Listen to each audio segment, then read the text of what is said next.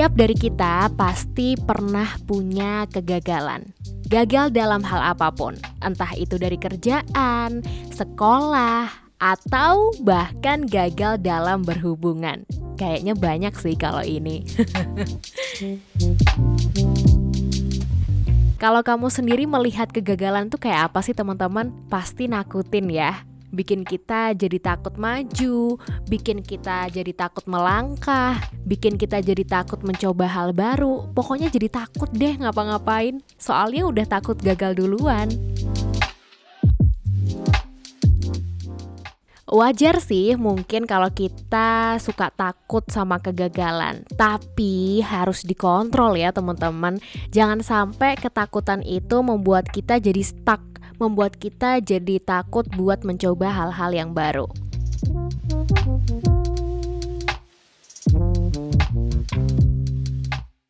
Hai teman-teman, kalau kamu adalah seorang yang berusia 20-an, um, early 20s deh ya. Atau mau masuk ke usia 20-an selamat datang di podcast review episode 9 karena episode kali ini pas banget buat kamu yang di early 20s atau mau masuk ke 20s karena di episode kali ini aku mau bahas buku yang berjudul What I Wish I Knew When I Was 20 buku ini pas banget buat kita-kita yang takut sama kegagalan atau pernah punya trauma sama kegagalan. Di buku ini justru bilang kegagalan itu adalah part terpenting dalam hidup kita. Failure is an important part of our learning process, especially when you are stretching your abilities, doing things the first time, or taking risks. Failures over learning opportunities and increase the chance that you won't make the same mistake again. Failures are also a sign that you have taken challenge that expand your skill.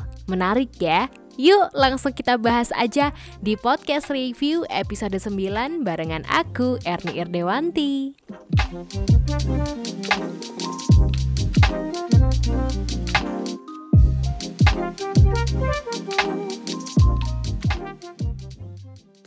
Aku bersyukur banget teman-teman pernah membaca buku ini di usia aku waktu itu umur 19 tahun mau masuk 20 tahun. Jadi pas banget sama judul bukunya What I Wish I Knew When I Was 20. Jadi kayak semacam dikasih petunjuk gitu ya sama buku kitab ini apa aja sih yang harus dipersiapin di usia 20 tahun.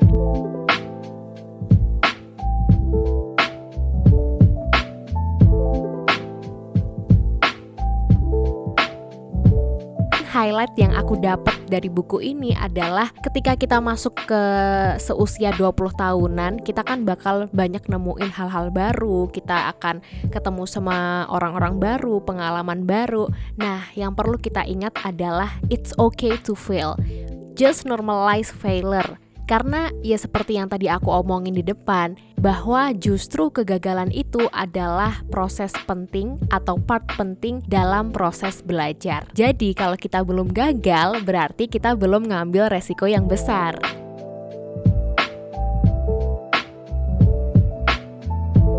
Buku ini ditulis langsung oleh Tina Silik. Nah, dia ini nggak cuma penulis teman-teman, tapi dia adalah seorang akademisi juga, seorang dosen yang punya banyak praktek-praktek yang unik di dalam kelasnya dan dia juga menuliskan langsung ya di bukunya yang berjudul What I Wish I Knew When I Was 20 ini. Salah satu praktek yang menarik di dalam kelasnya adalah praktek tentang summarize failure. Sesuai dengan namanya, yaitu meringkas atau merangkum kegagalan-kegagalan dalam hidup, Tina Selik nih nyuruh mahasiswanya untuk menuliskan kegagalan-kegagalan yang pernah mereka alami.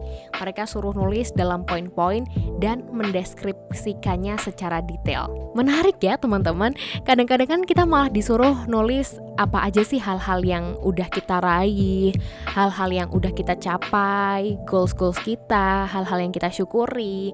Tapi Tina ini malah nyuruh mahasiswanya buat nulis kegagalan-kegagalan yang pernah mereka alami. And surprisingly, praktek ini justru membawa para mahasiswanya lebih bisa bersyukur dan takjub. Kenapa? Karena mereka jadi sadar ternyata beberapa kegagalan yang pernah mereka alami itu adalah kegagalan yang membawa mereka berhasil saat ini. Ujung-ujungnya, para mahasiswa ini justru malah ketagihan buat ngelanjutin merangkum kegagalan-kegagalan mereka yang terjadi setiap hari. Jadi mereka nggak malu untuk nulisin hari ini aku gagal mendapatkan nilai A. Hari ini aku gagal tampil di suatu konser. Pokoknya mereka jadi rajin lah nulisin kegagalan yang mereka alami di setiap harinya.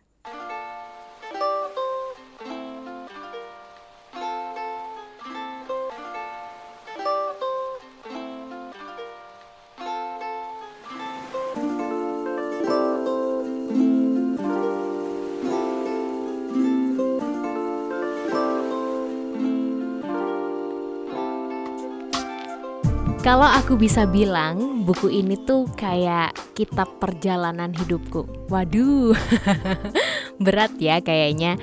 Tapi beneran deh teman-teman. Kenapa? Karena setelah aku selesai membaca ini, setelah aku mengafirmasi diriku sendiri, oke okay, besok kalau gagal nggak apa-apa ya. Oke okay, besok kalau nemuin kegagalan, ya itu adalah uh, hal yang wajar, adalah part penting malahan ya dalam hidup kita.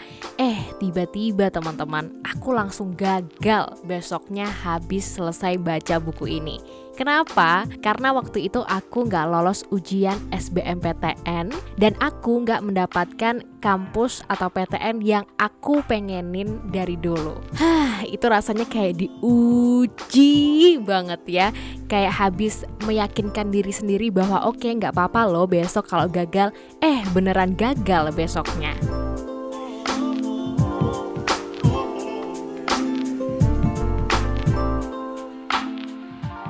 Tapi dengan kejadian itu aku terus mempraktekkan praktek tadi teman-teman Summarize failures Aku langsung menuliskan kegagalan-kegagalan aku waktu hari itu Salah satunya adalah gak lolos SBMPTN dan gak dapet PTN yang aku pengenin. Terus aku simpen kan itu kertasnya dan berjalan sampai sekitar satu tahun melakukan praktek itu. Terus saat aku merasa udah baik-baik aja dan merasa sembuh akan trauma itu, aku membaca kertas itu lagi teman-teman. Dan rasanya tuh kayak Wow, aku justru malah berterima kasih kepada kegagalanku waktu itu karena kegagalanku waktu itu membawa aku akhirnya menemukan keajaiban-keajaiban yang lain. PTN yang aku pengenin kan waktu itu UGM ya teman-teman. Ya siapa sih yang gak pengen masuk UGM gitu kan ya? Apalagi lingkunganku emang kebanyakan lolosnya atau masuknya tuh di UGM itu. Tapi aku sendiri yang gak lolos di UGM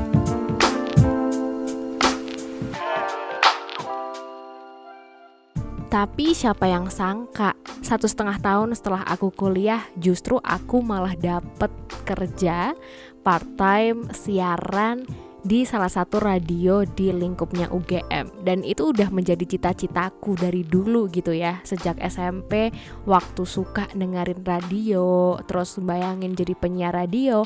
Eh dikabulin tuh waktu kuliah cita-citanya meskipun harus melewati kegagalan gak keterima SBMPTN itu dulu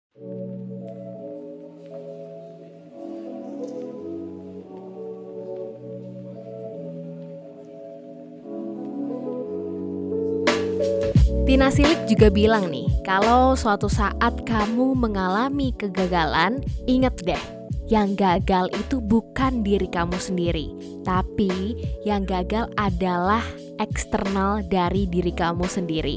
Karena kegagalan itu adalah proses natural di dalam hidup kita. Gak mungkin ada orang hidup yang gak pernah gagal.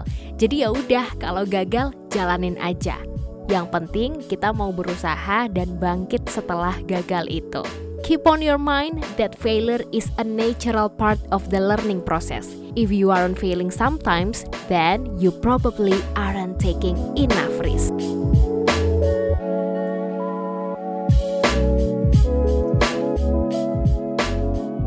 Kegagalan emang mungkin menyakitkan di hari itu. Tapi percaya deh, justru suatu saat kamu malah akan bangga sama kegagalan-kegagalan yang pernah kamu alami dan bersyukur hal itu pernah terjadi pada kamu.